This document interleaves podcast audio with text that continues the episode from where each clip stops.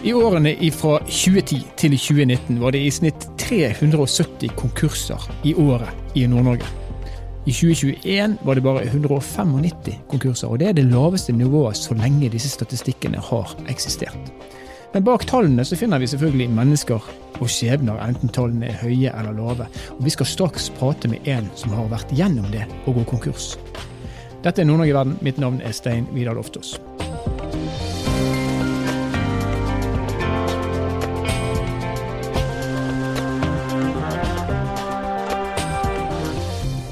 Troms og Finnmark hadde den største prosentvise nedgangen i antall konkurser fra 20 til 21 av samtlige av landets fylker. Og Nedgangen var hele 39% Nordland var på plassen etter, 34% nedgang. Og til sammenligning var snittet i Norge 19% Men for de som blir en del av konkursstatistikkene, så er dette neppe noen trøst. Og nå skal vi få møte en av disse. For ti år siden så sa Øystein Storslett opp en trygg jobb i narkotikapolitiet for å starte sin egen reiselivsbedrift. Så kom koronapandemien, og plutselig forsvant turistene, og med det alle inntektene. I 2020 gikk selskapet hans konkurs, og nå er han med oss her i Nord-Norge i verden. Velkommen til oss, Øystein. Takk skal du ha. Hyggelig å være med. Du, Hvis vi går litt tilbake i tiden. Trygg jobb i politiet. Plutselig så hopper du av og starter en egen reiselivsbedrift. Hva, hva var bakgrunnen for det? Nei, Hovedpoenget med en, med en, jobb for vår generasjon det er at det skal være meningsfylt, rett og slett. Eh, foreldregenerasjonen, da var det bare å ha en jobb. Det var det viktigste. Det var ikke viktig om man trivdes eller ikke, men for meg så var det mening som var det aller viktigste. Og med, med en gang etter fem år det var blitt rutine og, og litt av spenninga forsvant, og jeg visste nøyaktig hva som kom til å skje neste dag, så, så var det egentlig på tide å gi seg og finne på noe nytt. Og så ble det reiselivet. Reiselivsbedrift. Hva Var det tilfeldig valg, det, eller?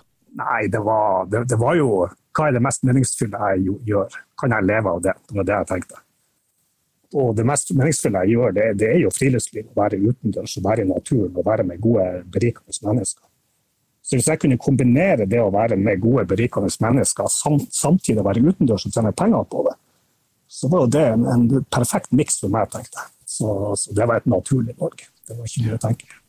Du kan eh, bare levere glimrende arbeid dersom du elsker det du gjør, husker jeg at Steve Jobs sa en gang. og Det er kanskje det som er utslagsgivende for mange. Men hvordan gikk det da, de første årene i ny, nyoppstarta reiselivsbedrift? Det gikk jo så det suste. det tok jo helt av. Det var Jeg starta med én gjest, og han kunne mye mer enn meg, for han hadde studert astronomi i årevis. Så, så det var jo han som lærte meg opp. og Vi kjørte til Malangen og hadde en kanonkveld. Og etter noen få år så hadde vi 80-90 gjester. Så det, det, gikk veldig fort fra én gjest til 80-90 gjester. Så, så, det var jo ofte når man er gründer og starter for seg sjøl, så blir det jo ikke sånn som man har planlagt. Nei. Det blir noe helt annet. For min tanke var bare å være, være utendørs og kjøre en tre-fire dager med ei lita gruppe. Men når man da gjorde noe bra, og, og ble synlig på TripAdvisor nummer én i mange år, så balla det bare på seg. Så jeg ansatte jo førstemann etter to måneder, faktisk. Og så ble det en to-tre til ansatte etter to-tre måneder. Så det ble jo ikke det å kjøre utendørs og, og kose seg og være blant folk og være utendørs. Det, det ble jo business, det ble jo bedrift. Mm. Der jeg etter hvert måtte trekke meg tilbake og administrere bedriften og de ansatte. Så det ble jo noe helt annet i løpet av kort tid. Så, så, suksessen førte jo til at jeg kom tilbake på kontoret, som jeg prøvde å komme bort ifra.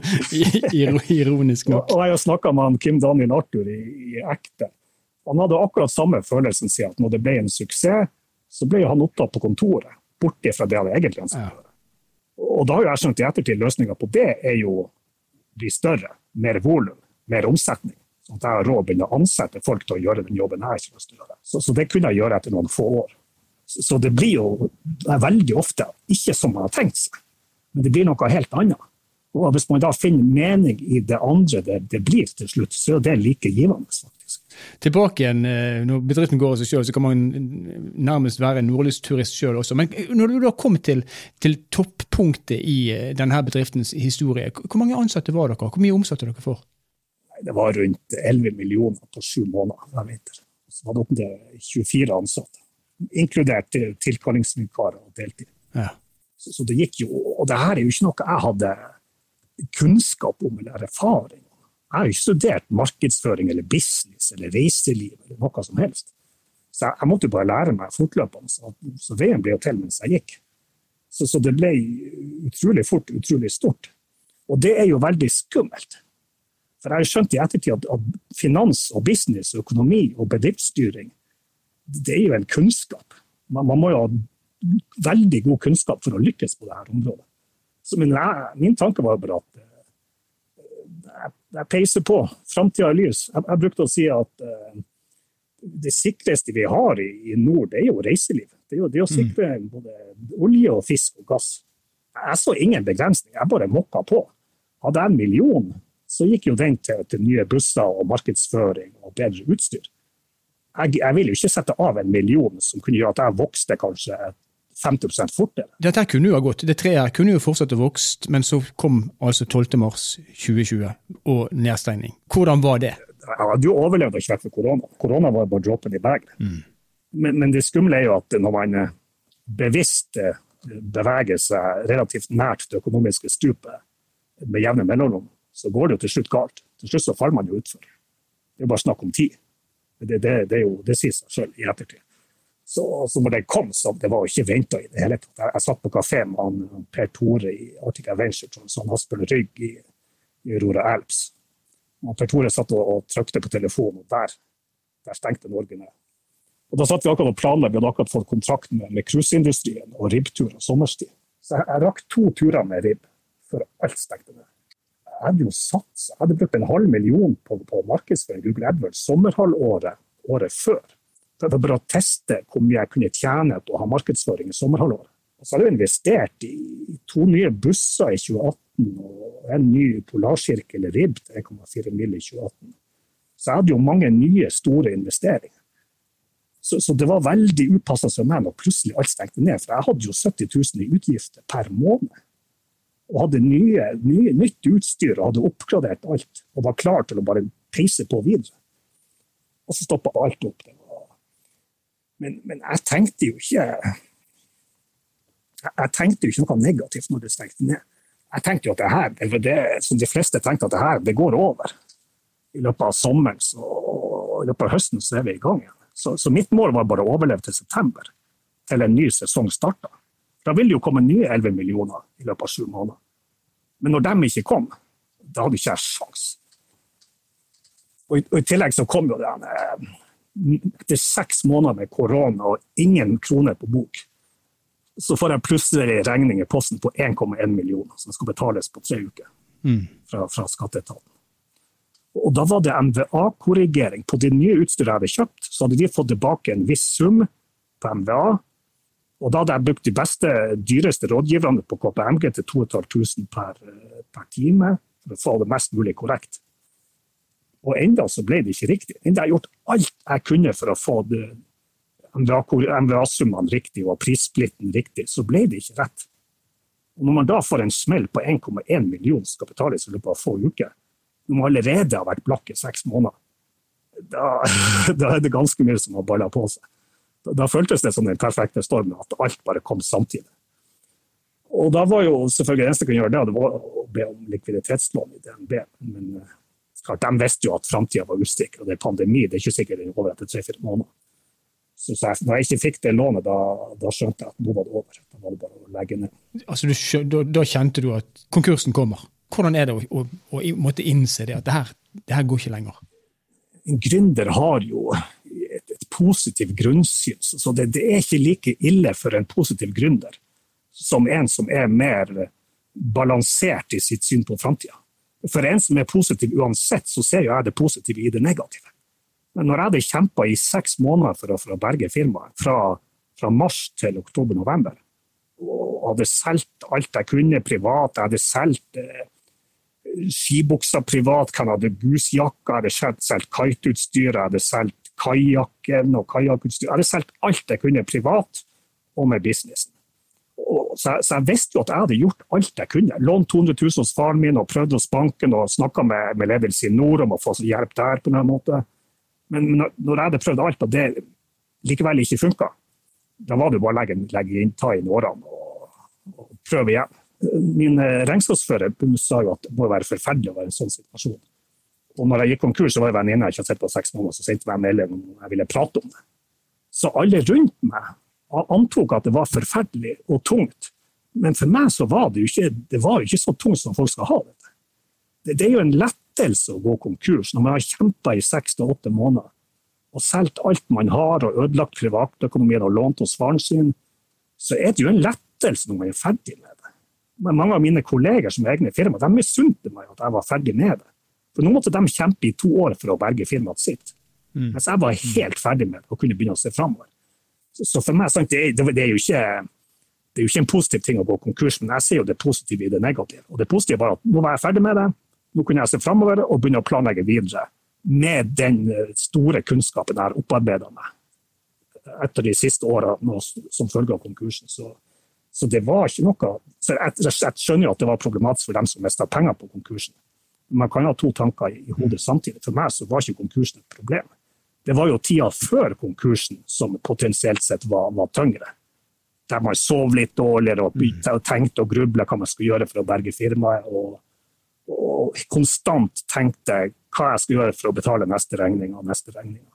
Så, så, selve konkursen er jo en lettelse, men tida før, det er jo det som er kampen. Nå eh, i retrospekt, altså, hva, hva, er den viktigste lærdommen du tar med deg etter det du har vært gjennom? Det, det viktigste er du må lese, du må bli en, en livslang student. En gründer må ikke bare starte og håpe på det beste. En gründer må, må skjønne at uh, det her har skjedd millioner ganger tidligere i historien. Hele tida, med jevne mellomrom. Hvis man er villig til å lære av de andre, så vil man se hovedårsakene til at firmaet går konkurs.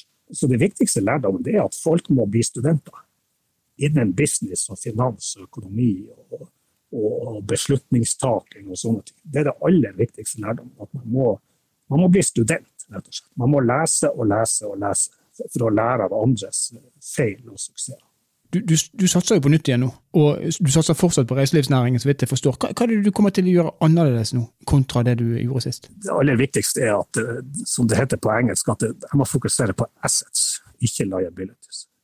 Eh, assets er det som får pengene til å vokse. Liabilities er det som får pengene til å forsvinne. En eksempel på en asset det kan være uh, indeksfond eller, eller, firma eller ting som gjør at, at pengene vokser.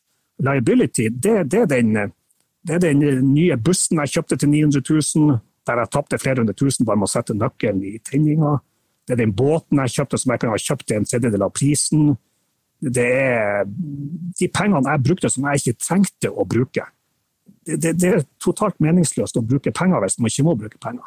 Det viktigste for meg er at hver krone teller. Hver krone er viktig. Og, og, du må bli en student i forhold til hvordan den krona skal brukes best mulig, rett og slett. Og Det nytter ikke bare å, å, å tenke seg fram til løsning. Man må sjekke med folk som har peiling, folk som har gjort det før, folk som har gått konkurs før, økonomiske rådgivere, jurister, lese bøker, høre på podkast. Det, det, er utrolig mye kunnskap der ute, i hvert fall i internettets eh, tidsalder. Så, så man, må, må, slutte, sånn som jeg gjorde, å bare gjøre ting og håpe på det beste. Så, så det første jeg må gjøre nå, det er jo at, at timinga er jo alt. Så, så hvis jeg starta opp med tur i, i, morgen, så kunne det vært galt tidspunkt. Med tanke på Ukraina-krisen og tanke på at det ennå ikke er høye tall innen reiselivet. Så, så, jeg venter jo nå til jeg ser at timinga er best mulig. Jeg, jeg har nå åpent for bookinger fra 1.11, men det er tidligst. Det er ikke sikkert vi starter da. Kanskje vi utsetter det til neste år. Mitt mål nå er, er ikke å starte opp fysisk med reiseliv. Det, det, det å være synlig på nett, så at vi kan fortsette å bygge merkevaren og få en, en, kundebase. Det er det viktigste for meg. Så timinga er det aller viktigste. Investere i assets, ikke liabilities. Og også vite at det kommer en økonomisk nedtur ca. hvert 7. til 12. år i gjennomsnitt. Det er utrolig viktig å forberede seg på det. Så, så det, det nummer én for en gründer det er å begynne med, med dag én å sette av penger til den nedturen kommer. Hadde jeg gjort det, så hadde jeg hatt millionfirma nå, og solid økonomi. Men, men, jeg tenkte ikke sånn, for jeg, jeg, jeg bare så den positive framtida og, og trær vokser inn i himmelen, tenkte jeg. Men eh, jeg har jo skjønt at ordtakene fra fortida er våre forfedre som prøver å lære oss noe. Ellers har jeg lært, jeg har lest 27 bøker på tre måneder. Jeg er jo blitt en livsvarig student, for, det har gitt meg vanvittig motivasjon for, for å lykkes. Klart, om man var nummer én på TripAdvice i tre-fire år, og var i avisa nummer én og lyktes nummer én på ball. Og så plutselig er man i avisa konkurs og milliongjeld. Tenk, tenk deg den, den gnisten jeg får, den motivasjonen jeg får for å vise at det riktige var jo at jeg var blant de beste. Det var, det, endelige var jo ikke at jeg var han som gikk konkurs. Så det her har gitt meg motivasjon tilbake. For når jeg, hadde vært nummer én i flere år på TripAdvisor, da hadde jeg mista litt av, av motivasjon. Hva, hva liksom neste steg? Jeg hadde lyktes med mitt mål blant de beste i Nord-Norge på kvalitetsturer i små grupper.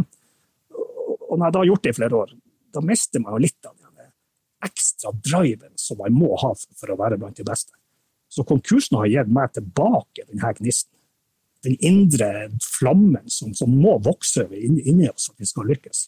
Den er jo kommet tilbake nå for fullt. Og Hvis jeg da parer den med min ekstra kunnskap, kunnskapen etter åtte års drift og vært blant de beste, og kunnskapen etter å ha gått på trynet og gått konkurs, så blir det jo utrolig spennende framover. Så jeg gleder meg som en unge til å, til å starte opp igjen. Vi skal følge med deg, Øystein Storslett, og vi blir ikke forbausa om eh, selskapet ditt er å finne tilbake på toppen av TripAdvisor, når verden i hvert fall etter hvert kommer i, eh, i vater igjen. Tusen takk for at du kunne være med oss i Nord-Norge Verden og dele din historie, Øystein Storslett. Tusen takk skal du ha. Vi snakkes etter hvert, om vi har lyktes. Stort.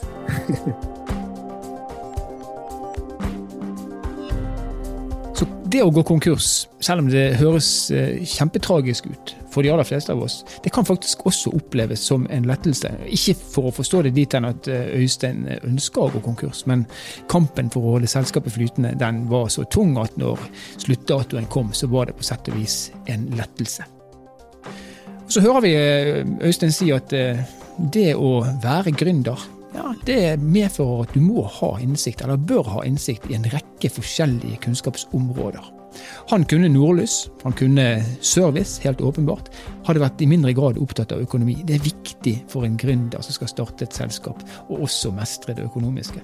Og så hører vi Øystein også si at eh, nedturene de kommer med veldig, veldig jevne mellomrom. Og Det er kanskje ikke så viktig å ha noe forhold til hva som utløser nedturene, men du må være forberedt på at de kommer. Og når nedturene kommer, så må du ha økonomi for å komme deg gjennom nedturene. Det hadde ikke Øystein, ergo så gikk selskapet hans konkurs. Så vet vi at eh, det å gå konkurs i Norge, det er, ja, det er kanskje litt sånn skambefengt på en måte. Men hvis du går til USA, så er det faktisk sånn at eh, hvis ikke du har gått konkurs noen ganger, så regnes du nesten ikke. Erfaringen du får gjennom å oppleve en konkurs. Det gjør deg sterkere. Hvis du da våger å satse på nytt igjen, så har du med deg ny ballast. Både de erfaringene du har gjort deg gjennom konkursen, og det du da kanskje vet at du må kunne mer om når du starter opp igjen. Akkurat som Øystein, som altså har lest 27 bøker på tre måneder og har satt seg inn i økonomi, og som nå starter opp igjen med et nytt reiselivsselskap, Arctic Explorers. Vi ønsker han eh, masse lykke til. Vi ønsker alle dere andre som går rundt med en gründeridé i magen, også lykke til med å realisere den drømmen dere egentlig har. Det er mulig, men det er hardt arbeid, og det krever en del kunnskap. Nord-Norge i verden er en podkastserie som er laget av Sparebank1 Nord-Norge i samarbeid med Helt Digital. Musikken du har hørt er laget av Emil Karlsen. Mitt navn er Stein Vidar Loftaas. Vi høres igjen i neste episode.